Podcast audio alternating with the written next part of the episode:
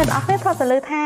apply scholarship ត្រូវអត់ប៉ុន្តែអ្នកទាំងអស់គ្នាដឹងថាអឺតើវាមានប្រមាណប្រភេទទេសម្រាប់ scholarship ហ្នឹងអញ្ចឹងជាទូទៅវាមានពីរប្រភេទសម្រាប់ scholarship រដ្ឋជាមួយនឹង scholarship សាលាដែលយើងហៅថា partial scholarship ឬក៏ fully funded អញ្ចឹងសម្រាប់នៅក្នុងវីដេអូនេះខ្ញុំនឹងបញ្យល់អ្នកទាំងអស់គ្នាតើភាពខុសគ្នាអីខ្លះរវាង scholarship fully funded ជាមួយនឹង partial scholarship ទី1សម្រាប់ scholarship fully funded ជាទូទៅគឺយើងដឹងហើយថា cover 100%ទៅលើ tuition fee ទាំងថ្លៃញ៉ាំទាំងថ្លៃស្នាក់នៅរបស់អ្នកទាំងអស់គ្នាប៉ុន្តែសម្រាប់ partial scholarship ឬក៏យើងហៅថា scholarship សាលាអញ្ចឹងជាទូទៅវាអត់ cover 100%ទេប៉ុន្តែយើងបានតិចបានច្រើនអាស្រ័យលើបន្ទុកឬក៏អាស្រ័យលើឯកសាររបស់យើងជាក់ស្ដែង ប៉ុន្តែសម្រាប់ scholarship fully funded ជាទូទៅ100%មែនប៉ុន្តែវាអាចមានសម្ពាធខ្លាំងសម្រាប់កូនសិស្សដែលគាត់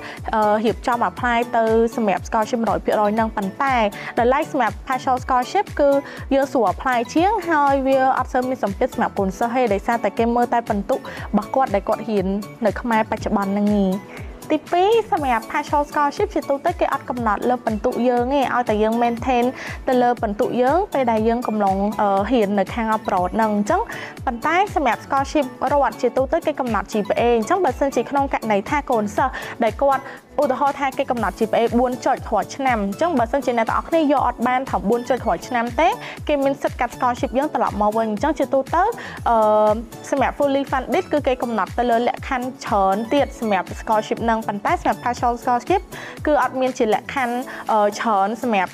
អ្នកទាំងអស់គ្នាគ្រាន់តែត្រូវការអ្នកទាំងអស់គ្នា maintain ទៅលើបន្ទុកខ្លួនឯងកំឡុងពេលរៀននៅខាងនឹងនេះសម្រាប់ទី3បើសិនជាក្នុងករណីថា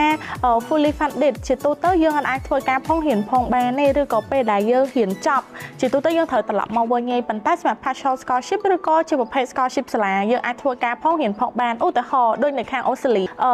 នៅពេលដែលយើងបាន scholarship ហើយយើងអាចធ្វើការ20ម៉ោង